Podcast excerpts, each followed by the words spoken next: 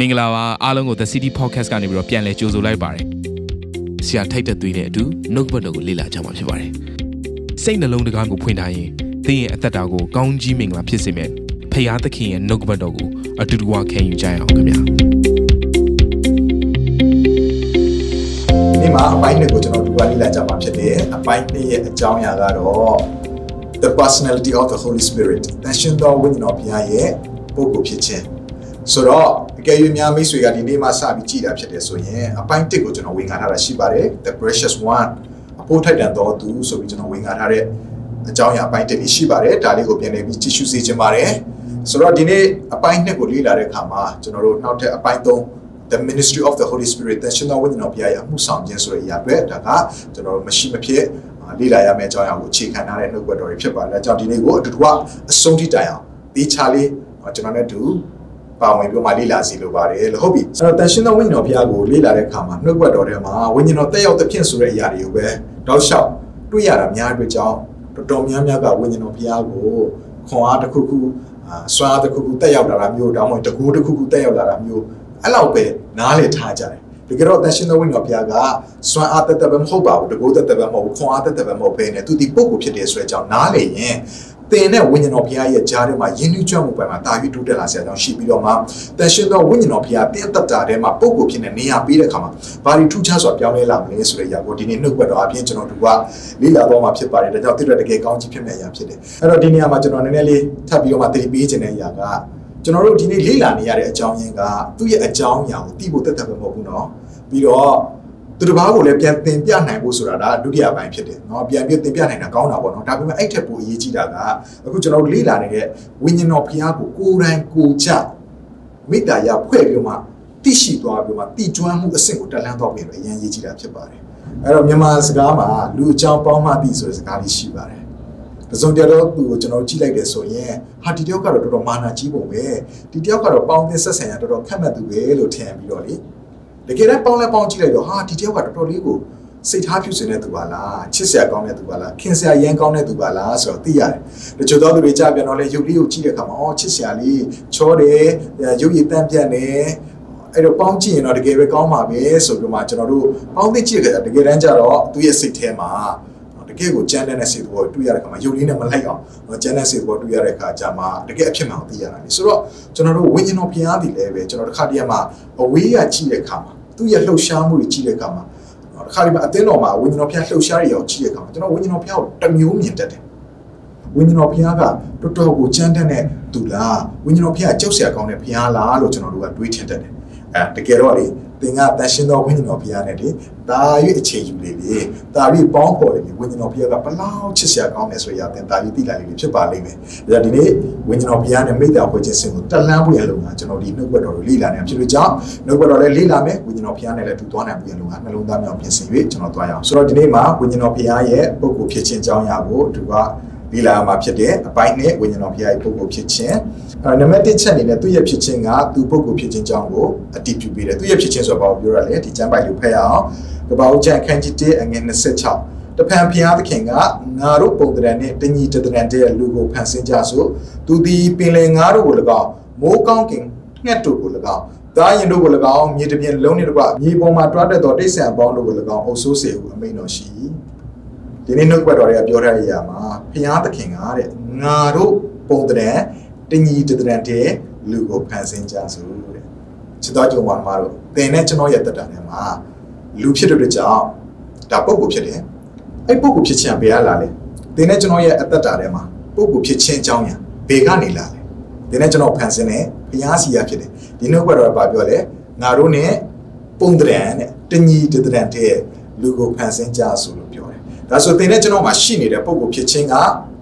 ဖျားစီကနေတညီတတရံနဲ့ဖန်ဆင်းလိုက်လို့ရလာတာပုံကိုဖြစ်ခြင်းကအကြောင်းအရာ၃မျိုးပါဝင်တယ်နံပါတ်1သင်မှာ intellect အသိဉာဏ်ရှိလိမ့်မယ်နံပါတ်2 emotions လို့ခေါ်တဲ့ခံစားမှုစိတ်ခံစားမှု sensibility လို့လည်းခေါ်တယ်စိတ်ခံစားမှုရှိလိမ့်မယ်နံပါတ်3 will အလိုဆန္ဒဆိုတာရှိတယ်အဲ့ဒီ၃မျိုးပါဝင်တဲ့အရာကိုဒါကိုပုဂ္ဂိုလ်လို့ခေါ်တယ် ဒါဆိုသင်နဲ့ကျွန်တော်မှာအဲ့ဒီ၃မျိုးဆိုပြည့်စုံပါကြသင်ကလူပုဂ္ဂိုလ်ဖြစ်တာဟုတ်ဒိုနည်း၎င်းပဲအဲ့ဒီလူပုဂ္ဂိုလ်ဖြစ်ခြင်းကျွန်တော်တို့ထဲမှာပုဂ္ဂိုလ်ဖြစ်ခြင်းဆိုတဲ့သဘောတဘာဝကဘယ်ရနေလာလဲဆိုရင်ကျွန်တော်တို့ဖန်ဆင်းတဲ့ဘုရားသခင်စီကလာတယ် ပုံတရံတညီတတရံတဲ့လူကိုဖန်ဆင်းကြဆိုလို့ဘုရားကပြောတာဖြစ်ပါတယ်ကျွန်တော်တို့ရဲ့ပုဂ္ဂိုလ်ဖြစ်ခြင်းကိုနားလည်တယ်ဆိုရင်ဘုရားကလည်းသူ့ရဲ့ပုံတရံတညီတတရံဖန်ဆင်းတာဖြစ်ကြောင်းသူကလည်းပုဂ္ဂိုလ်ဖြစ်တယ်ဆိုတဲ့အကြောင်းအရာကိုနားလည်ရတာဖြစ်ပါတယ်ဒုတိယချက်အနေနဲ့ကျွန်တော်ကြည့်ရအောင်နံပါတ်1ချက်အနေနဲ့သူ့ရဲ့ပင်ကိုယ်ရည်ချင်း၅မျိုးကသူပုဂ္ဂိုလ်ဖြစ်ကြောင်းကိုအတည်ပြုပေးတယ်သူ့ရဲ့ပင်ကိုယ်ရည်ချင်းဆိုတာက attributes ကိုပြောခြင်းဖြစ်ပါတယ်ဆိုတော့ဒီ attribute ဆိုတဲ့အခါမှာကျွန်တော်ခုနကပြောသွားတဲ့အကြောင်းအရာ၃မျိုးပြင်ထပ်ပေါင်းပြီးတော့မှထပ်လောင်းပြီးဖြည့်ထားတဲ့ຢာတွေရှိပါတယ် အဲ့တော့လေ့လာရအောင်နံပါတ်1ချက်အနေနဲ့ထပ်မြတ်သောအသိဉာဏ်ရှိတယ် intellect ထပ်မြတ်တဲ့အသိဉာဏ်ရှိတယ်ကျမ်းစာဖတ်ရအောင်တေကောခန်းကြီးနဲ့အငယ်30ထိုຢာတို့ကိုဘုရားသခင်သည်မိမိဝိညာဉ်တော်အားဖြင့်ငါတို့အားဖော်ပြတော်မူ၏ဝိညာဉ်တော်သည်ဘုရားသခင်နည်းနည်းသောအရာတိုင်အောင်ခသိန်းသောအရာတို့ကိုစစ်တော်မူ၏ဒီနေရာမှာပြောလဲဘုရားသခင်သည်မိမိဝိညာဉ်တော်အားဖြင့်ငါတို့အားဖော်ပြတော်မူ၏ဒီအသည့်ကိုဘုရားသခင်ဖော်ပြနေတဲ့အရာအလုံးဟာတန်ရှင်သောဝိညာဉ်တော်ကနေတဆင့်ဖြစ်ပါတယ် ဝိညာဉ်တော်ဘုရားမပါဘဲနဲ့ဘုရားရဲ့ဖော်ပြခြင်းဖွင့်ပြခြင်းကျွန်တော်တို့မခံစားပါဘူးခြေတော်ကြီးဥမာမတို့တန်ရှင်သောဝိညာဉ်တော်အားဖြင့်သာလေဘုရားသခင်ကတင့်ကိုနည်းနည်းတဲ့အရာကိုဖော်ပြနေတာဖြစ်တယ်။ဘာကြောင့်လဲဝိညာဉ်တော်ဘုရားကဘုရားရဲ့နည်းနည်းတဲ့အရာကိုရှာဖွေစစ်စစ်ဆေးနေတဲ့ဘုရားဖြစ်တယ်။ဆိုတော့ဒီနေရာမှာစစ်တော်မူဤဆိုတဲ့စကားလုံးလေးကိုတွေ့ရတယ်။အဲ့ဒါလေးကိုကျွန်တော်ဒီနေရာမှာလေ့လာစီခြင်းနဲ့အင်္ဂလိပ်ကျမ်းစာထဲမှာ search ရှာဖွေတယ်လို့ရေးထားတယ်။ တကယ်တော့သူ့ရဲ့မူရင်းအတိတ်တွေကပါလဲဆိုရင်တော့ examine မင်းကုန်းများနဲ့စစ်ဆေးသည်ဆိုတဲ့သဘောတရားဒီကျောင်းဆရာတယောက်လို့သင်ခန်းစာတွေကိုပြန်ပြီးစစ်ဆေးတဲ့ခါမှာမိခွန်းတွေမျိုးများစွာနဲ့စစ်ဆေးမေးမြန်းတဲ့ပုံစံမျိုးပေါ့နော်ဒါမှမဟုတ်ရင်လည်းဒါမှမဟုတ်ရင်လည်းစုံနောက်တယောက်ကနေတော့မှတရက်ခန့်ကိုအပြစ်ကျူးလွန်ထားတဲ့သူတယောက်ကိုသူသူစီကနေအမှန်တရားထွက်လာဖို့ရတဲ့မိခွန်းမြောင်များစွာနဲ့စစ်ဆေးနေတဲ့ပုံကိုပုံဖော်နေတာဖြစ်တယ်အဲ့ဒီပြန်ဒီနေရာမှာပါတွေ့ရလဲ investigate လို့ပြောထားတယ်စုံစမ်းစစ်ဆေးဖော်ထုတ်တယ် ဆိုတော့သူ့ရဲ့ပုံရိပ်ကစုံနောက်တယောက်ရဲ့ပုံရိပ်လိုပုံစံမျိုးအင်မတန်ထက်မြက်ပြီးတော့မှဉာဏ်ပညာထက်မြက်ပြီးတော့မှဝင်းဆက်တွေကိုလိုက်ရှာပြီးတော့မှအမှန်တရားကိုမရမကဖော်ထုတ်တတ်တဲ့စုံနောက်တယောက်ရဲ့ပုံစံမျိုးကိုဒီစကလုံးကဖော်ပြနေတာဖြစ်တယ်စစ်ဆေးတော်မူဆိုတဲ့အခါမှာလေစစ်တော်မူဆိုတဲ့အခါမှာဆိုတော့ချစ်တော်ညီကောင်မတို့ဘုရားသခင်ကိုလိန်ညာလို့မရဘူးတန်ရှင်းသောဝိညာဉ်တော်ဘုရားကိုလိန်ညာလို့မရဘူးသူဒီမှန်လားမမှန်လားဆိုတော့စစ်ဆေးတော်ဘုရားဖြစ်တယ် သင်တွေးထဲမှာဘာစဉ်းစားနေလဲဘာဒီမှားနေလဲသင်ဘာတွေကျူးလွန်ထားလဲဝိညာဉ်တော်ဘုရားကိုလိန်ညာလို့မရဘူးဝိညာဉ်တော်ဘုရားကအကုန်လုံးစစ်ဆေးနိုင်တဲ့ဘုရားရှာဖွေနိုင်တော်ဘုရားဖြစ်တယ်ဓမ္မတော်ဝိလုထဲမှာအာနနီနဲ့ရှက်ဖီရဲ့အကြောင်းကိုတွေ့ရတယ်ဓမ္မတော်ရဲ့ရှေ့မောက်မှာငွေကြေးကိုအကုန်စင်ယူမလာဘဲနဲ့ပရမတော်ယူလာမယ်လို့ကတိပေးပြီးတော့မှတကယ်တမ်းကျတော့ငွေကြေးမြောက်များစွာဖြစ်လာတဲ့အခါမှာသူတို့တဝက်ကိုထိန်ချန်ပြီးတဝက်ကိုယူလာပြီးတော့မှဒါကျွန်တော်တို့ပါလာတာအကုန်လုံးပါလို့ တမန်တော်ကြီးရှေ့မှာလိန်ညာပြောဆိုတယ်တမန်တော်ကြီးကပြောလဲမင်းအားတဲ့လူကိုလာမဟုတ်ပဲနဲ့ဖျားကိုပါဝိညာဉ်တော်ဖျားကိုပါမင်းလိန်ညာတာပဲလို့ပြောတယ်တန်ရှင်တော်ဝိညာဉ်တော်မသိတဲ့ရပါတခုမှမရှိဘူးသူတို့လိန်ညာထားတယ်ဆိုတော့ဝိညာဉ်တော်ဖျားကပီတီယူတို့ကိုပေါ်ပြတဲ့အခါမှာချက်ချင်းပဲအဲ့နေရာမှာလဲတည်တယ်အမျိုးသားကခဏနေကျအမျိုးသမီးကဝင်လာတယ်အမျိုးသမီးကိုလည်းမေးတယ်ဒါအကုန်ပဲလားမင်းတို့ယူလာတဲ့ရအမျိုးသမီးကလည်းလိန်ညာပြီးဖြေတယ်တန်ရှင်တော်ဝိညာဉ်တော်ဖျားရှိမှဘာမှလိန်ညာလို့မရဘူးချက်ချင်းပဲအဲ့နေရာမှာလဲတည်တယ်ဖျားကိုလိန်ညာတဲ့အဖြစ်ကြောင့် ချက်တော်ညုံမှာမှာတော့ဝိညာဉ်တော်ဘုရားကစစ်တယ်စစ်တယ်ဒီနေ့တင့်ကိုစစ်ဆေးနေတဲ့ဘုရားဖြစ်တယ်ဒါကြောင့်စာမန်ဆရာကြီးကကျွန်တော်ရဲ့စိတ်နှလုံးကိုရှိမှမှာဖွင့်ထားပါတယ်ကျွန်တော်ရဲ့စိတ်နှလုံးအကြံစီမှန်လားမမှန်လားဆိုတော့ကိုတော့စုံစမ်းသိမှတ်ပါလို့စာလန်ဆရာကြီးကဖော်ပြထားပါတယ်ဒါကြောင့်တရှင်တော်ဝိညာဉ်ဘုရားကအင်မတန်ထက်မြတ်သော ဝိညာဉ်တော်ဘုရားဖြစ်ပါတယ်ကျွန်တော်တို့ကတစ်ခါတည်းမှာတန်ရှင်သောဝိညာဉ်တော်ဘုရားကိုတုံးနေအားတယ်လို့ထင်တတ်ကြပါတကယ်တော့ဝိညာဉ်တော်ဘုရားကအင်မတန်ထက်မြတ်သောဘုရားဖြစ်ပါတယ်အတိညာရှိတယ်ဆိုကြတဲ့ဒါကပုဂ္ဂိုလ်ဖြစ်ခြင်းကိုဖော်ပြနေခြင်းဖြစ်ပါတယ်ဒုတိယအချက်အနေနဲ့ဘာကိုတွေ့ရလဲဆိုရင်သိမြင်နားလည်မှုရှိသည်ဝိညာဉ်တော်ဘုရားမှာ knowledge ရှိတယ်သူဒီသိမြင်နားလည်မှုရှိတယ်အဲ့တော့ကျမ်းစာလေးကိုဖတ်ရအောင်တေကောခန်းကြီးနဲ့ငွေ7လူဤနည်းနည်းသောအရာကိုလူ၌ရှိသောမိမိစိတ်ဝိညာဉ်မှာတပါအဘယ်သူသိသနည်းထိုနည်းတူဘုရားသခင်နည်းနည်းသောအရာကို ဘုရားသခင်ဝိညာဉ်တော်မှာတပါအဘယ်သူများမသိသင်ရဲ့အတွေးထဲမှာရှိနေတဲ့နည်းနည်းတဲ့အရာတနည်းအားဖြင့်ဘယ်သူမှမသိအောင်စဉ်းစားတွေးခေါ်နေတဲ့အရာပေါ့နော်ဒါကြလေသင်ကိုအတိဆုံးလို့ပြောတဲ့သင်ရဲ့စနီးတဲ့သင်ရဲ့ခင်မွန်းတဲ့ကတော့မသိတဲ့နည်းနည်းတဲ့အရာလူတွေကိုဖော်မပြတဲ့အရာကိုသင်ရဲ့စိတ်ဝိညာဉ်ကသိတယ်သင်ဝိညာဉ်ကတော့သင်မလိမ့်နိုင်ဘူးသင်ကိုသင်တော့သင်ပြန်လိမ့်လို့မရဘူးထိုနည်း၎င်းပဲဘုရားသခင်ရဲ့အတွေးထဲမှာဘာတွေစဉ်းစားနေလဲ ဘုရားသခင်တွေးထဲမှာဘာတွေရှိတယ်လဲဆိုတာဘုရားသခင်ရဲ့ဝိညာဉ်ဖြစ်တဲ့သရှင်သောဝိညာဉ်တော်ဘုရားကကောင်းကောင်းနားလဲတယ်သိမြင်နားလဲတယ်ဥပမာဆိုကြပါစို့ကျွန်တော်တို့ကတစုံတစ်ခုကိုလေ့လာရင်ကျွန်တော်တို့မှာအသိဉာဏ်ဆိုတာကတိုးလာတယ်ဥပမာသင်ကလူမှုပေါင်းသင်းဆက်ဆံရေးနဲ့ပတ်သက်တဲ့စာအုပ်ကိုလေ့လာမယ်တခြားအရာတွေကနေလေ့လာမယ်ဆိုရင်သင်မှာလူကိုဘယ်လိုပေါင်းသင်းရမလဲဆိုတဲ့အသိဉာဏ်တိုးလာမှာဖြစ်တယ်ဒေါ်ရီလာမဲ့သင်ကဥပမာ design တွေနဲ့ပတ်သက်တဲ့အောင်လေ့လာခြင်းနဲ့ဆိုရင် YouTube မှာရှိတဲ့ tutorial တွေကို ကြည့်ပြီးတော့မှလေ့လာသင်ယူခြင်းအပြင်သင်တန်းတွေတက်ခြင်းအပြင်စာအုပ်တွေဖတ်ခြင်းအပြင် tutorial ကိုကြည့်ခြင်းအပြင်သင်မှာ design ဘယ်လိုဆွဲရမလဲဆိုတဲ့ knowledge အသိဉာဏ်ကတိုးလာတယ်သင်ကဝိညာဉ်တော်ဘုရားနဲ့ပေါင်းသိရင်ဝိညာဉ်တော်ဘုရားနဲ့မေတ္တာရဖွဲ့ရင်ဘုရားသခင်ရဲ့အတွေးထဲမှာဘာတွေရှိနေလဲအသိဉာဏ်ထဲမှာဘာတွေရှိတယ်လဲဆိုတဲ့အရာအလုံးကိုသိတဲ့ဝိညာဉ်တော်ဘုရားနဲ့မိသားဖွဲ့တာဖြစ်တဲ့ကြောင့်သင်ဒီလည်းပဲဘုရားကိုသိကျွမ်းခြင်းဉာဏ်ပညာမှာတာယူတိုးတက်လာတာဖြစ်တယ် တချို့ကဝင်ဘုရားကဘလို့သဘောလဲဘုရားကဘလို့ဘုရားမျိုးလဲဟာဘုရားကဘာကြောင့်ဒီလိုလုပ်ရတာလဲဆိုပြီးတော့မှဝိုင်းရရမ်းများနေတာဘာကြောင့်လဲဘာကြောင့်လဲဘုရားကဘာကြောင့်ဒီလိုဖြစ်စေတာလဲဆိုရင်များနေတယ်ဆိုတဲ့သဘောတရားကပါတယ်ဆိုရင်ဝိညာဉ်တော်ဘုရားနဲ့များများမိတ္တာရဖွဲ့ဖို့မရှိဘူးဆိုတဲ့အရာကိုနားလည်ရတယ်ဝိညာဉ်တော်ဘုရားနဲ့များများမိတ္တာရဖွဲ့နေလေဘုရားသခင်ရဲ့ ဉာဏ်ပညာနဲ့ကျွန်တော်တို့ကပြည့်စုံတယ်ဒါကြောင့် godly knowledge ကျွန်တော်ရဲ့အထက်မှာဘုရားကိုသိကျွမ်းခြင်းဉာဏ်ပညာမှာတာ၍တိုးပွားလာတယ်ဆိုတာကိုနားလည်ရတယ် hallelujah ဒါကြောင့်တဲ့ရတဲ့မှာဝိညာဉ်တော်ဘုရားနဲ့များများမိတ္တာဖွဲ့ပါ godly knowledge ဘုရားသခင်အသိဉာဏ်ဘုရားကိုသိကျွမ်းခြင်းဉာဏ်ပညာပြည့်စုံမှာတိုးတက်လာမှာဖြစ်တယ်တတိယချက်ကိုကျွန်တော်တို့ကထပ်ပြီးတော့မှလေ့လာရအောင်နံပါတ်3ချက်အနေနဲ့ဝိညာဉ်တော်ဘုရားမှာစိတ်သဘောရှိတယ် mind သူ့မှာစိတ်သဘောရှိတယ်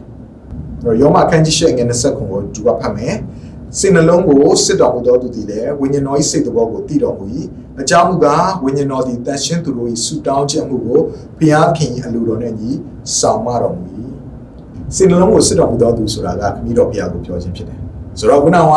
တန်ရှင်သောဝိညာဉ်တော်ဘုရားကခမည်းတော်ဘုရားရဲ့စိတ်သဘောကိုသိတယ်လို့ခမည်းတော်ဘုရားကလည်းတန်ရှင်သောဝိညာဉ်တော်ဘုရားရဲ့စိတ်သဘောကိုသိတယ်ဆိုတော့စိတ်သဘောဆိုတဲ့အရာကဘာလဲဆိုတော့လေ့လာမယ်ဆိုရင်အင်္ဂလိပ်လိုကတော့ mind လို့ရေးပြီးမယ်တာ၍နည်းနည်းတဲ့အရာတွေရှိပါတယ် အဲ့တော့ဒါလေးစိတ်ဝင်စားဖို့တော်တော်လေးကောင်းပါတယ် Greek လို့ဆိုရင် phronema လို့သုံးတယ်ပြောကြည့်ပါ phronema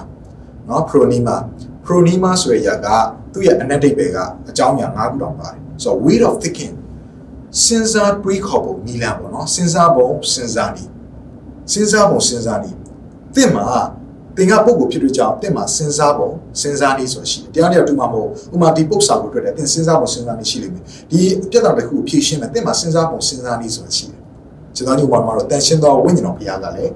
ထိုကဲ့သို့သောစဉ်းစားပုံစဉ်းစားနည်းရှိတော်ဘုရားဖြစ်တယ်။ဘာကြောင့်လဲသူကတင့်ကိုဖန်ဆင်းလိုက်တာဖြစ်တယ်။ဒါကြောင့်တင့်မှာစဉ်းစားပုံစဉ်းစားနည်းရှိနေတာပုဂ္ဂိုလ်ဖြစ်ခြင်းဆိုတဲ့အရာကိုဖော်ပြတဲ့အကြောင်းဖြစ်ပါတယ်။ဒါကြောင့်ဒီစဉ်းစားပုံစဉ်းစားနည်းရှိတဲ့အတွက်ကြောင့်ဝိညာဉ်တော်ဘုရားကဘယ်လိုပုံစံမျိုးနဲ့ဒီပြဿနာကိုချင်းကပ်ရမလဲ။ဘယ်လိုဖြေရှင်းရမလဲဆိုတဲ့အဖြေကိုသူကပေးနိုင်တယ်။သူကစဉ်းစားပုံစဉ်းစားနည်းရှိတဲ့ကြောင့်ဒီကိစ္စကိုဘယ်လိုဖြေရှင်းအကောင်းဆုံးဖြစ်မယ်ဆိုတော့သူကောင်းကောင်းသိတယ်။ဥပမာကျမ်းစာထဲမှာကြည့်မယ်ဆိုရင်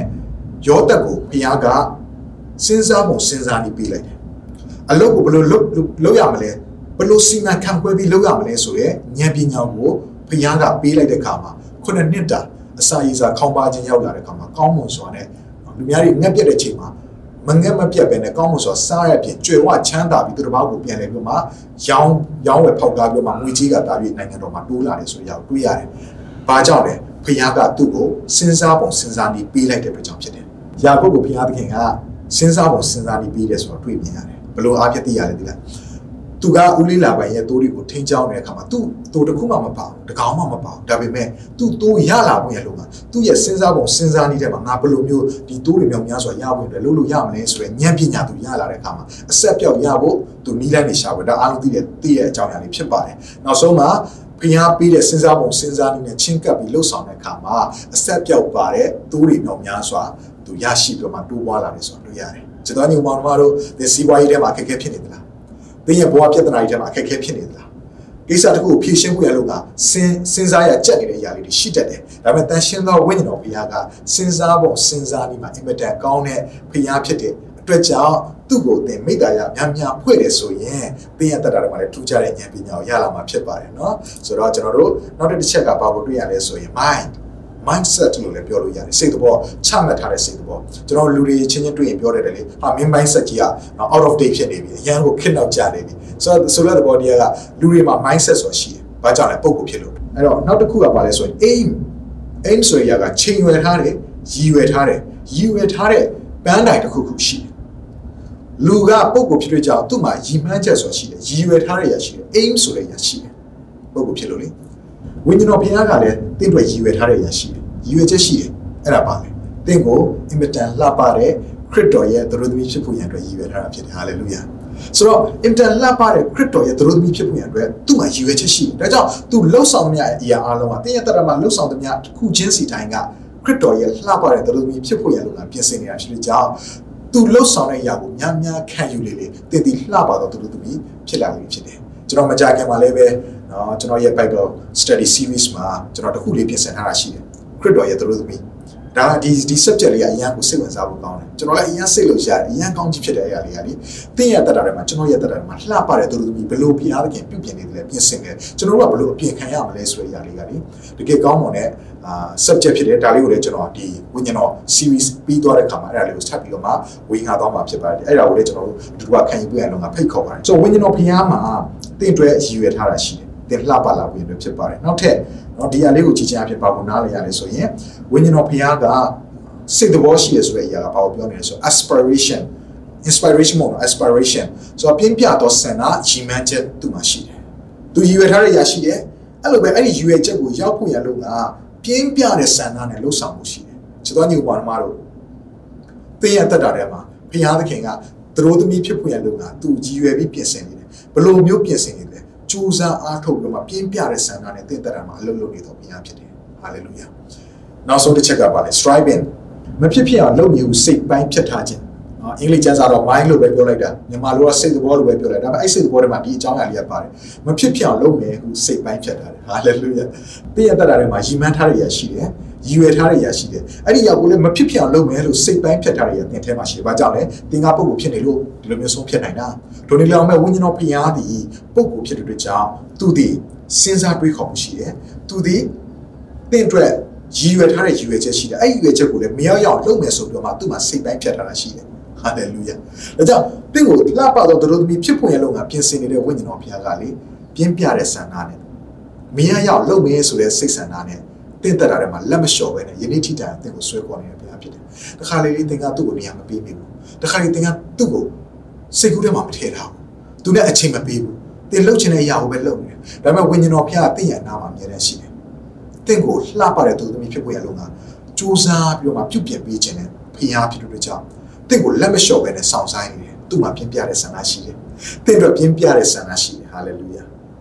ယေရှုခရစ်တော်မိမိရဲ့သက်ခင်ကတည်းကရှိပြီးယုံကြည်လက်ခံပြီးတော့အပြစ်သေးကိုလဲသွားတဲ့အခါမှာခါရီအဲ့တူကိုလေယုံကြည်သူတွေကသွားပြီးမှဆွဲမထူခြင်းနောက်ဆုံး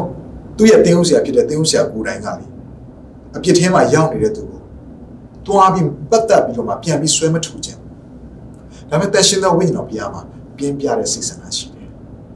လှပတဲ့သူသမီးဖြစ်ဖို့ရလို့ကတစ်အနာမှာရှိနေတော့ကုညီဖေးမှတော့ဘုရားဖြစ်လို့ကြောင်း အဖြစ်သေးကိုရောက်သွားရင်တော့လူတွေကအဖြစ်ထဲမှာနစ်မောနေလို့လူတွေကပေါင်းဖော်ခြင်းမပြုတ်ခြင်းတော့လောက်တင့်ကိုယွန်ရှာမုန်းပြီးရင်တော့မှလေတက်ရှင်သောဝိညာဉ်တော်ဘုရားတင့်ကိုဘယ်တော့မှမမုန်းဘူးတက်ရှင်သောဝိညာဉ်တော်ဘုရားတင့်ကိုဘယ်တော့မှမယွန်ရှာဘူးတက်ရှင်သောဝိညာဉ်တော်ဘုရားကတင်ရှိတဲ့နေရာထိရောက်လာပြီးတော့မှတင့်ကိုဆွဲထုမဆာပြီးမှဘုရားဖြစ်တယ်။ဘာကြောင့်လဲတင့်အတွက်အင်မတန်ပြင်းပြတဲ့စိတ်ဆန္ဒရှိတယ် တခါတည်းတင်းရဲ့မိဘအစ်ပေါ်မှာပြင်းပြတဲ့စိတ်ဆန္ဒရှိတဲ့ရကလက်လျှော့သွားတတ်တယ်တခါတည်းတင်းရဲ့ဇနီးတဲ့တင်းရဲ့ခင်ပွန်းတဲ့တင်းရဲ့သားသမီးပေါ်မှာတင်ထားတဲ့ပြင်းပြတဲ့ဆန္ဒတွေကအကြောင်းအရာတစ်ခုကြောင့်နော်စိတ်လျှော့လိုက်တဲ့အရာလက်လျှော့လိုက်တဲ့အရာရှိကောင်းရှိပေမဲ့လေတန်ရှင်သောဝိညာဉ်တော်ဘုရားကတင့်အတွက်ဆိုဘယ်တော့မှလက်မလျှော့ဘူးတင်းရဲ့အသက်တာကောင်းစားဖို့အတွက်တင်းရဲ့အသက်တာတာ၍လှပဖို့ရလို့လို့ကသူဒီအမြဲတမ်းပြင်းပြတဲ့ဆန္ဒနဲ့တင့်ကိုဆွဲခေါ်နေတော်ဘုရားဖြစ်တယ်ဘုရားနာမသားကြီးပုံကြည်ပါစေစေတသာကြီးမှာမှာတော့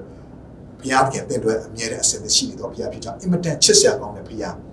ကျွန်တော်ရဲ့တက်တာမှာနေရာပေးအောင်ဒါကြောင့်ဒီစိတ်တော်ရှိရဆိုတဲ့အရာကဝိညာဉ်တော်ဘုရားဒီပုဂ္ဂိုလ်ဘုရားဖြစ်ကြောင်းကိုပေါ်ပြနေတာဖြစ်တယ်နောက်တစ်ချက်ကိုကြည့်အောင်နော်နံပါတ်၄ချက်အနေနဲ့စိတ်ခံစားမှုရှိတယ် emotions or sensibility emotions ဒါမှမဟုတ် sensibility စိတ်ခံစားမှုရှိတယ် sense လုပ်နိုင်တယ်ခံစားမှုရှိတယ်ဧဘခန်းကြီးလေးအငယ်30မှာဗာရေးထားတယ်ဆိုရင် ဝိနုချင်းနေ့ရက်တိုင်အောင်သင်တို့ကိုတစိတ်ခတ်တော်မူသောဘုရားသခင်၏တန်ရှင်းသောဝိညာဉ်တော်ကိုစိတ်မနာစေကြနှင့်စိတ်ခံစားမှုရှိတယ် emotions sensibility ရှိတယ်ဆိုတဲ့အရာကလေတစုံတစ်ခုကိုသိရှိပြီးပြန်လဲတုံ့ပြန်နိုင်စွာကိုဆိုလိုခြင်းဖြစ်တယ်ဥပမာအဖြစ်ကျွန်တော်ပြောပြခြင်းတယ်ကျွန်တော်က bass guitar အရင်ကြိုက်တယ် bass bass guitar လည်းကျွန်တော်တီးတယ်အဲကျွန်တော်ကျွန်တော်ပတ်စံလေးစုပြီးတော့မှဝယ်ထားတဲ့ bass guitar လေးရှိတယ်အရန်မြတ်လို့တယ်အရန်ကိုတန်ဖိုးထားတယ်အဲ guitar လေးကိုလေ ဆိုတော့တစုံတစ်ယောက်ကအဲဂီတာကိုကျွန်တော်ထောင်ထားတဲ့ဂီတာလေးကိုလာပြီးတော့မှတိုက်ပြီးလို့လဲကျသွားတယ်ဆိုရင်ဂီတာကလေအမလေးကျွန်တော်နာလိုက်တာလို့ထပြီးမအောင်ကျိုးရင်ကျိုးသွားမယ်ပဲ့ရင်ပဲ့သွားမယ်ဒါပေမဲ့ तू မအောင်သူနာကျင်ကြောင့်သူမပေါ်ပြဘာကြောင့်သူကရုပ်ဝတ္ထုပစ္စည်းဖြစ်နေတဲ့အတွက်ကြောင့်ပုံကုန်မဟုတ်ရုပ်ဝတ္ထုပစ္စည်းဖြစ်နေတဲ့အတွက်ကြောင့်ဒါပေမဲ့သူ့ကိုချစ်လုံးမျက်နှိုးလုံးလို့တိဥတရနဲ့သိမ်းဆဲထားတဲ့တန်မိုးထားတဲ့ကျွန်တော်ရဲ့ရင်ထဲမှာတော့တုံ့ပြန်နိုင်စွမ်းရှိလို့ကြောင့်ပုံကိုဖြစ်တဲ့ကြောင့်တုံ့ပြန်နိုင်စွမ်းရှိလို့ကြောင့်ကျွန်တော်ရင်ထဲမှာအယမ်းနာတယ် အမလီငါဂီတာလေးလဲသွားပြီငါဂီတာလေးထိသွားပြီငါဂီတာလေးပဲ့သွားပြီဆိုတော့မှတန်မိုးထားလုံးလို့အရင်ထဲမှာအယမ်းနာရတယ်ခါကျွန်တော်တကယ်ကျွန်တော်ပြောငါ့ကိုရိုက်ရိုက်တော့ကွာငါဂီတာတော့မထိပါနဲ့ပြောလေးရှိရလေနော်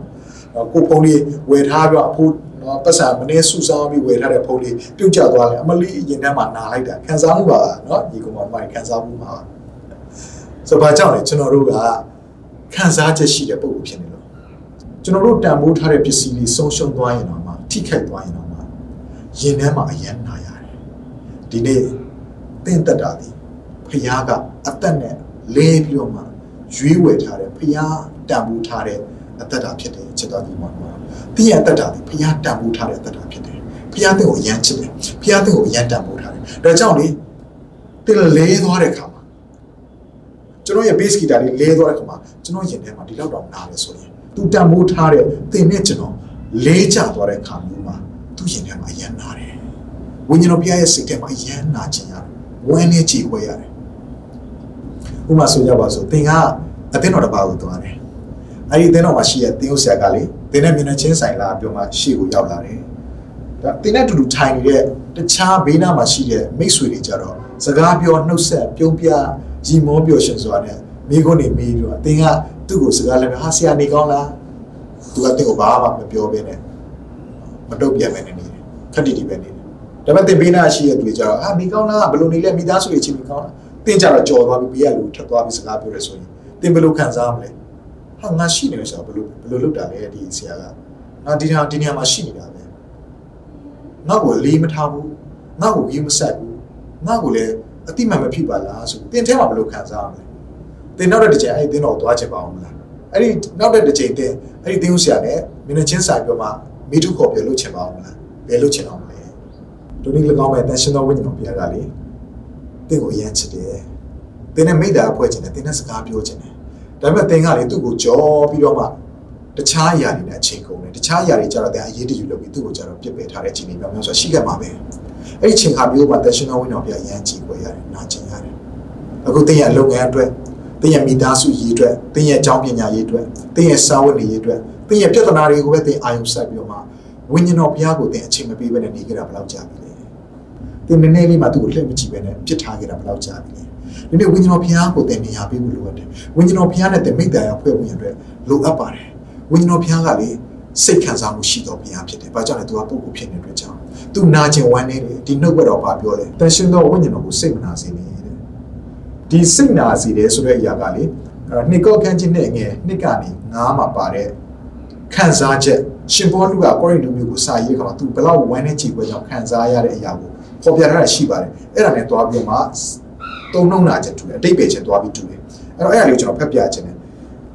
နှစ်ကောခန်းကြီးနှစ်အငယ်ငါးမှာဒီမှာတော့ကျွန်တော်မရေးထားဘူးဒါပေမဲ့ဒီကနေကျွန်တော်ဖတ်ပြသွားပါမယ်အဲကျွန်တော်အငယ်လေးကိုပဲဖတ်ပြမယ်အလွန်ညှိုးငယ်ပူပန်သောစိတ်နဲ့မျက်ရည်အများကျလျက်တင်တို့အားငါရေး၍ပေးလိုက်၏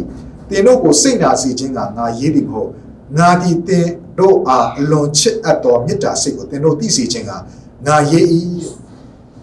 ရှင်ဘောလူရန်ဝမ်းနေတဲ့ဝမ်းနေခြေခွဲမှုဒီဝမ်းနေခြေခွဲမှုနဲ့အခုဒီညမှာစိတ်မနာစေကြတဲ့ grief အင်္ဂလိပ်လို grief ပေါ့နော်ဝမ်းနဲ့ချီခွဲတဲ့ຢာနဲ့တွားပြီးတော့မှစကလုံးသုံးလုံးနာချက်တွားတူပါတယ်ဆိုတော့သဘောတရားဘာကိုပြောနေရလဲအလွန်ညှိုးငယ်ပူပန်သောစိတ်နဲ့မျက်ရည်အများကျလျက်တဲ့ အဲ့ဒီစကလုံးသုံးလုံးနာချက်တူတဲ့အတွက်ကြောင့်ဘာကိုနားလဲရလဲတန်ရှင်သောဝိညာဉ်တော်ဘုရားသည်သင်တဲ့မိတ္တာဘွယ်ကိုစောင့်နေပြီမဲ့သင်ကသူ့ကိုကြော်ပြီးတော့မှတခြားသောအရာတွေနဲ့အချိန်ကုန်ပြီးတော့မှဘုရားကိုပြစ်ပယ်ထားတယ်သူ့ကိုနေရာမပေးဘူးเนาะအချိန်မပေးဘူးသူ့ကိုသင်ကအရေးမဆိုင်တဲ့အခါမှာဝိညာဉ်တော်ဘုရားကညှိုးငယ်သောစိတ်နဲ့မျက်ရည်အများကျလျက်ပူပန်ရတဲ့စိတ်တော်ရှိနေတယ်ဆိုရကိုဒီနှုတ်ကတော်ကသွားပြီးတော့မှနားလေရပါတယ် ခြေတော်ညီကောင်မတို့နေတဲ့ရှင်တော်ဝိညာဉ်တော်စိတ်နာစေပါတယ်။နောက်ဝိညာဉ်တော်ဘုရားကိုဒီညမှာစိတ်နာစေတဲ့အကြောင်းအရာဆိုတဲ့အခါမှာတရှင်တော်ဝိညာဉ်တော်ဘုရားကိုစိတ်နာစေတဲ့အကြောင်းအရာတချို့အရာကိုကျွန်တော်ဒီညမှာဖော်ပြသွားခြင်းပါတယ်။အဲ့တော့အေဖက်ခန်းကြီးလေးအငယ်30ရဲ့အထက်ပိုင်းနဲ့အောက်ပိုင်းလေးတွေမှာဝိညာဉ်တော်ဘုရားကိုစိတ်မနာစေနဲ့လို့ပြောတဲ့ကျမ်းပိုက်ရဲ့အထက်ပိုင်းနဲ့အောက်ပိုင်းလေးမှာအများကြီးရေးထားတာရှိတယ်ဒါလေးကိုကျွန်တော်ဖတ်ကြည့်အောင်နော်။အဲ့တော့တရှင်တော်ဝိညာဉ်တော်ဘုရားကိုဘာအဖြစ်စိတ်နာစေလဲဆိုတော့အေဖက်ခန်းကြီးလေးအငယ်25 ထို့ကြောင့်မူတာစကားကိုပယ်ရှား၍မှန်သောစကားကိုသာအချင်းချင်းတယောက်နဲ့တယောက်ပြောကြတော့မူတာစကားမူတာစကားလိန်ညာတဲ့စကားပေါ့နော်လိန်ညာတဲ့စကားကိုပြောတဲ့ခါမှာဝိညာဉ်တော်ဘုရားကဝမ်းနေပူဆွေးတယ်သူစိတ်မကောင်းဖြစ်တယ်သူဝမ်းနေတယ်ဤဘက်ခန်းကြီးလေးအငယ်နဲ့ဆက်ရှင်မှာပါရေးထားလဲခိုးတက်တော်သူသည်နောက်တစ်ဖက်မခိုးပဲစင်ရဲတော်သူဟာပေးကမ်းဝင်ငှရန်ရှိစေခြင်းကမိမိလက်နဲ့ကောင်းသောအလုပ်ကိုလှုပ်ဆောင်အားထုတ်စေ ဒီကျမ်းပိုက်လေးရနှစ်ချက်ကိုကျွန်တော်နားလည်လို့ရတယ်နံပါတ်1ခိုးခြင်းသင်ကငွေကြေးကိုခိုးတယ်သူများဥစ္စာပစ္စည်းတစ်စုံတစ်ခုကိုသွားပြီးတော့မှခိုးယူတယ်ဆိုရင်အတွင်းထဲမှာဝိညာဉ်တော်ဘုရားကဝမ်းနဲ့ကြည်ပွဲတယ်ဝမ်းနဲ့ကြည်ပွဲခြင်းကိုခံစားရတယ်။နောက်မိမိလက်နဲ့ကောင်းသောအလုပ်ကိုလှုပ်ဆောင်အားထုတ်စေကောင်းမွန်စွာနဲ့လှုပ်ဆောင်အားထုတ်ခြင်းမရှိဘဲနဲ့ပြင်းရည်နေတယ်ဆိုရင်လေဝိညာဉ်တော်ဘုရားကဝမ်းနေတယ်ဆိုတာကိုနားလေရတယ်။ဒါခါကျွန်တော်ကရေးရေးသားဖို့ခြင်းနဲ့အချောက်ဖို့ခြင်းနဲ့အဲ့တော့အဲ့ဒီຢာမျိုးမှာလေဝိညာဉ်တော်ဘုရားက ဝမ်းနည်းကြေကွဲတယ်စိတ်မကောင်းဖြစ်တယ်ဆိုတော့တွေ့ရတယ်။အိဘက်ခန့်ကြီးလေးအငယ်29မှာညင်ညူးသောစကားတခွန်းကိုများတင်းတို့နှုတ်ထဲကမထွက်စေနဲ့။ကြားနာသောသူတို့၏အကျိုးကိုပြုစုစေခြင်းကတိဆောက်စရာဖို့ကောင်းသောစကားကိုသာသုံးဆောင်ကြလောတဲ့။ညင်ညူးသောစကားတွေပြောတဲ့အခါမှာနော်ဆဲဆိုတဲ့စကားကြမ်းတမ်းတဲ့စကားညင်ညင်ညင်ညင်စကားတွေပေါ့လေကျွန်တော်နှုတ်ကထွက်တဲ့အခါမှာဝိညာဉ်တော်ဘုရားကအယံကိုဝမ်းနည်းကြေကွဲရတယ်ဆိုတာကိုတွေ့ရတယ်။အိဘက်ခန့်ကြီးလေးအငယ်37မှာ ခတ်သိမ်းသောစိတ်တူခြင်းစိတ်ဆိုးခြင်းအမျက်ထွက်ခြင်းအော်ဟိတ်ငေါငေါ်ခြင်းသူ့တည်ပြောက်ပြောဆိုခြင်းခတ်သိမ်းသောမနာလိုခြင်းတို့ကို၎င်းသင်တို့မှပေရှားကြလော့ခတ်သိမ်းသောစိတ်တူခြင်းစိတ်ဆိုးခြင်းအမျက်ထွက်ခြင်းဆိုတော့ဒီဟာကတူတယ်လို့လို့ထင်ရတယ်ဒါပေမဲ့အင်္ဂလိပ်ကျမ်းစာထဲမှာကြည့်ရင်တော့ရှင်းပါတယ်နော်ခတ်သိမ်းသောစိတ်တူခြင်းဆိုတာတကယ်တော့နော်ကလေးကိုလည်းစိတ်တူခွေးကိုလည်းစိတ်တူမဟုတ်ပါဘူးနော်သူရဲ့အတိတ်ပဲကပါလဲဆိုရင်အင်္ဂလိပ်စကားထဲမှာ bitterness လို့ပြောတယ်ခါးသီးခြင်းသူ့ထဲမှာတစုံတစ်ခုခါးသီးခြင်းရှိလာ အဲ့ခါးသီးခြင်းကဝိညာဉ်တော်ဘုရားကိုဝမ်းနေကြည်ခွဲစေတယ်ဝိညာဉ်တော်ဘုရားမပြောတစုံတစ်ယောက်ပေါ်မှာခါခါတီးတီးဖြစ်နေတဲ့သူရဲ့အသက်တာထဲမှာတန်ရှင်သောဝိညာဉ်တော်ဘုရားကမပြောဝမ်းနေကြည်ခွဲနေရတယ်အဲ့တော့တန်ရှင်သောဝိညာဉ်တော်ဘုရားဝမ်းနေကြည်ခွဲကြောင့်သူကလည်းကာယကံရှင်ဝိညာဉ်တော်ဘုရားကျင့်ဝတ်နေတဲ့ကျွန်တော်ရဲ့အသက်တာထဲမှာလည်းပဲမပြောနိုင်တော့ဘူးအမြဲတမ်းစိတ်ဆင်းရဲနေရတယ်အဲ့တော့စိတ်ဆိုးခြင်းဆိုတဲ့အရာမှာအင်္ဂလိပ်စကားက wrath လို့သုံးတယ် W R A T H wrath လို့သုံးတယ်။ဘာလဲဆိုရင် immitant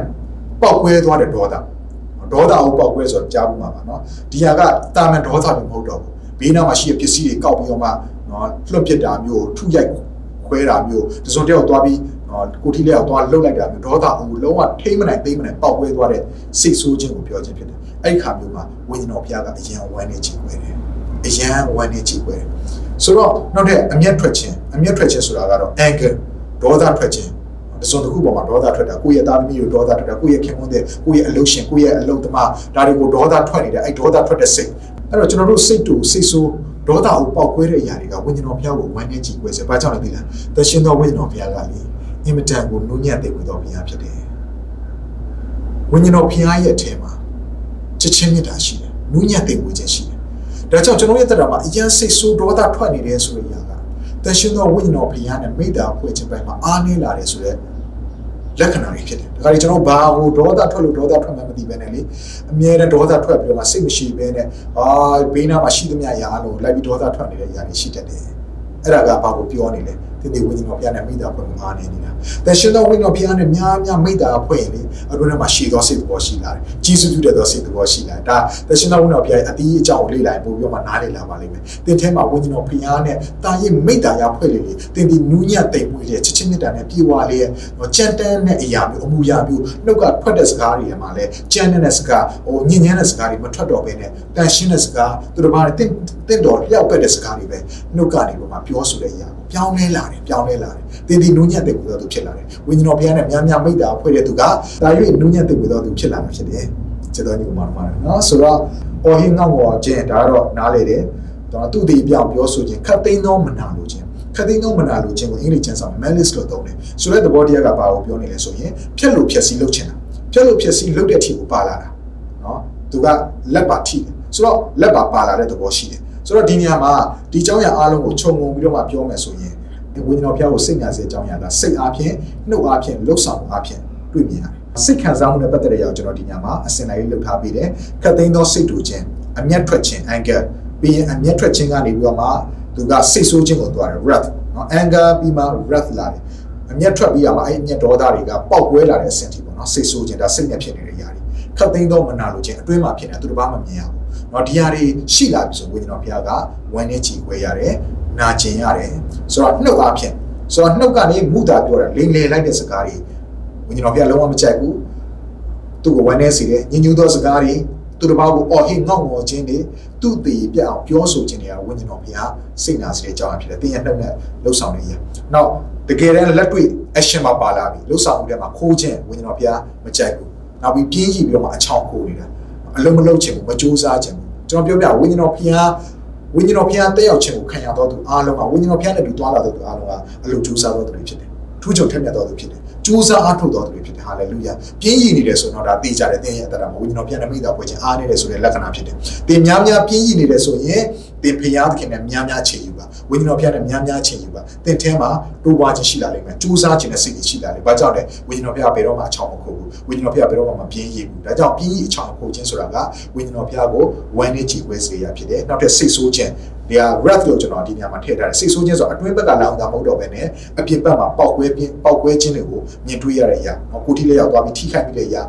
ပစ္စည်းတွေကိုပေါက်တဲ့အရာတွေစသဖြင့်ပေါ့နော်ဒီလိုမျိုးဒေါသမျိုးပေါ့ဆိုတော့ခတ်သိမ်းတော့မနာလို့ခြင်း ဒီမနာလိုခြင်းအတွင်းကနေလာပြီးတော့မှသူတို့ဘာဖြက်လို့ဖြက်စီးဖြစ်အောင်လို့လိုက်ပြီးတော့မှလှုပ်ဆောင်တဲ့အရာတွေထိပါပါလာတဲ့အတွက်ကြောင့်ကျွန်တော်လှုပ်ဆောင်မှုဆိုတဲ့အထက်မှာထည့်ထားလိုက်တာဖြစ်တယ်ဟုတ်ပြီဒါတင်မဲလားဆိုတော့မဟုတ်ဆိုတော့ဒါလေးကိုကြည့်လိုက်ချင်တယ်ဟာဒီလောက်ပဲလားဝိညာဉ်တော်ဖျက်ဒီလောက်ဆိုရင်စိတ်စိတ်နာတယ်ပေါ့ဒါကြီးကရှောင်းလိုက်တော့ရပြီဒါဆိုတော့ငါအရက်တောက်တာတို့စိလိတောက်တာတို့ကွန်ဆာတာမပါတော့ဘူးလားနော်တခြားအရာတွေပေါ့နော်ဆိုတော့အဲ့တော့ကျန်းစာထဲမှာလည်းပြောထားပါမလွတ်ပါဘူးတင်းရဲ့ကိုခန္ဓာကတဲ့ဝိညာဉ်တော်ဖျက်ခြင်းမှုတဲ့ပိတ်မယ်တော့ဖြစ်လို့တကြောင်တဲ့ ဒီကိုခန္ဓာကိုတန်ရှင်းစေဖို့ရလို့က view site ပါလို့ပြောထားတဲ့အရာရှိတယ်။ဝိညာဉ်တော်ဘုရားကျင့်ဝတ်တဲ့ကိုခန္ဓာကိုမငြင်းညူးစေဖို့ရလို့က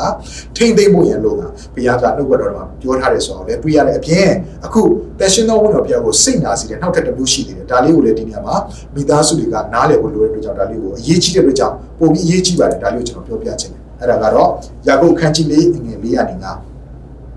မတရားသောမိထုံ၌မိဝဲသောယောက်ျားမိန်းမတို့ လောကီမိတ္တာယသည်ဖျားသခင်နှင့်ဆန့်ကျင်ဘက်ဖြစ်သည်ကိုမသိကြသလောဤလောကနှင့်မိတ္တာယဖွဲ့လိုသောသူသည်ဖျားသခင်ရန်သူဖြစ်၏ကျမ်းစာချက်အချင်းဤတက်တက်ဖြစ်သည်ဟု၍၎င်းငါတို့၌တည်နေသောဝိညာဉ်တော်သည်ညူဆူစေခြင်းသောသဘောရှိသည်ဟု၍၎င်းထင်ကြသလော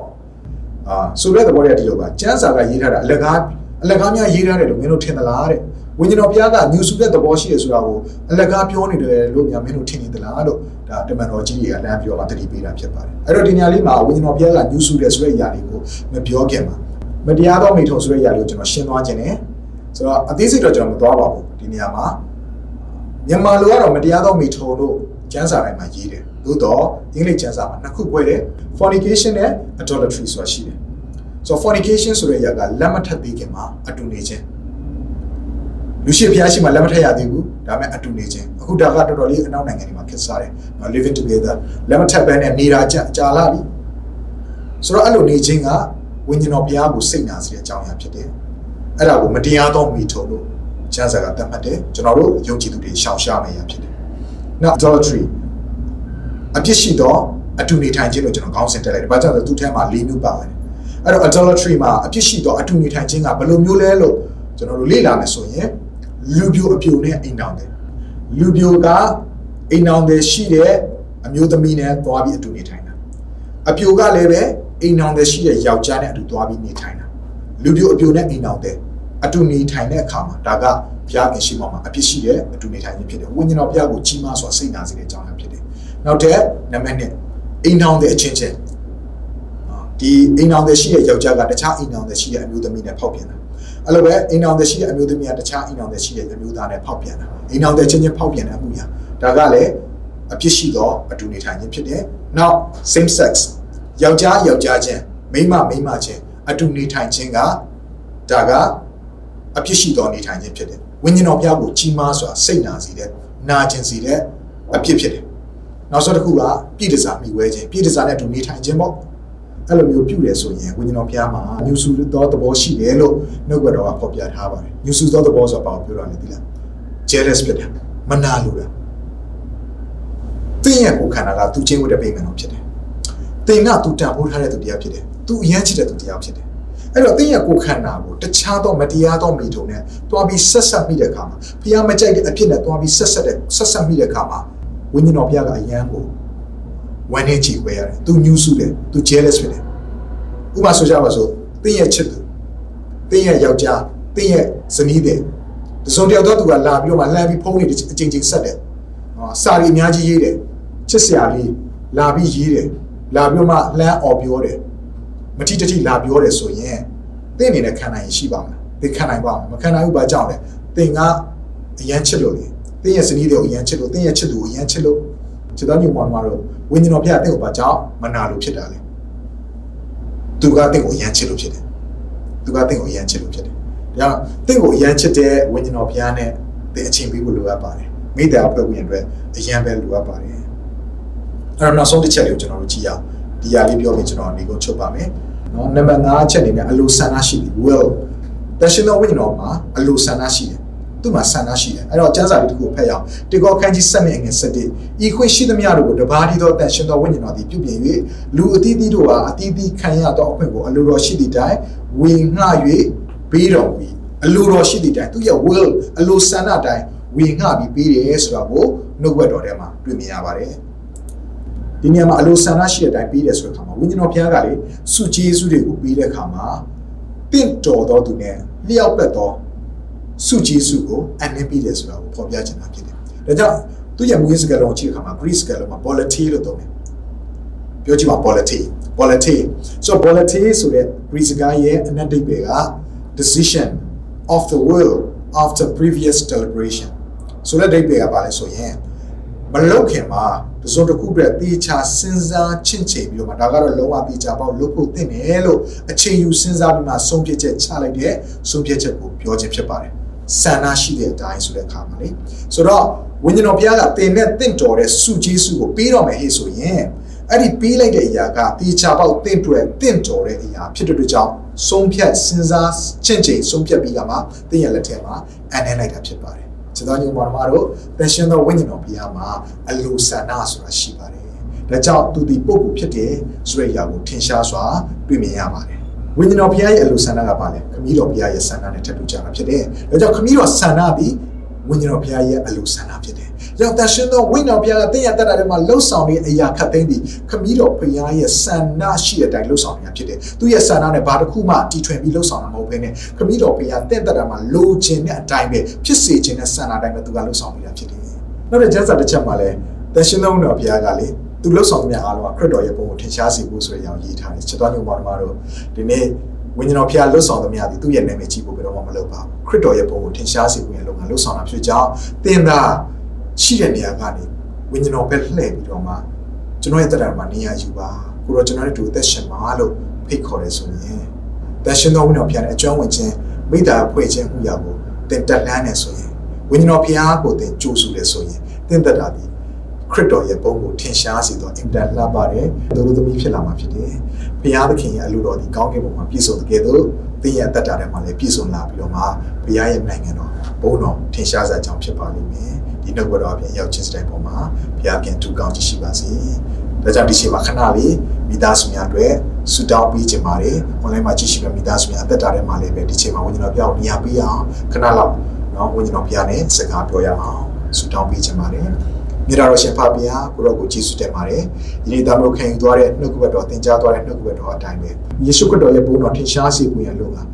ဒီနေ့ခမည်းတော်ဘုရားအလိုဆန္ဒနဲ့ညီပြည့်စုံလာဖို့ရလို့ကဝိညာဉ်တော်ဘုရားဒီသားမျိုးအသက်တော်မှာအလုပ်လုပ်ပြီးနေကြအောင်သားမျိုးနားလေရပါတယ်။ဒီနေ့ online မှာကြည့်ရှုနေတဲ့မိသားစုများဒီဗီဒီယိုကိုကြည့်ရှုနေတဲ့သားမီးတယောက်ချင်းချင်းအသက်တာထဲမှာလည်းထိုဝိညာဉ်တော်ဘုရားနဲ့တို့မိသားဖွဲ့ခြင်းမှုရကိုပြုတဲ့တာ၍လှပတော်သက်တာ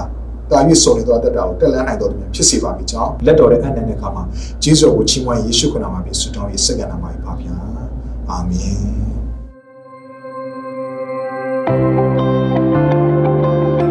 ဒီအစီအစဉ်လေးအပြင်သင်ရဲ့အသက်တာမှာကောင်းကြီးဖြစ်မယ်ဆိုတာကိုကျွန်တော်ယုံကြည်ပါတယ်ဗီဒီယိုကြည့်ပြီးခံယူလို့သူများအတွက်အပတ်စဉ်တရားဟောခြင်းများ Bible Study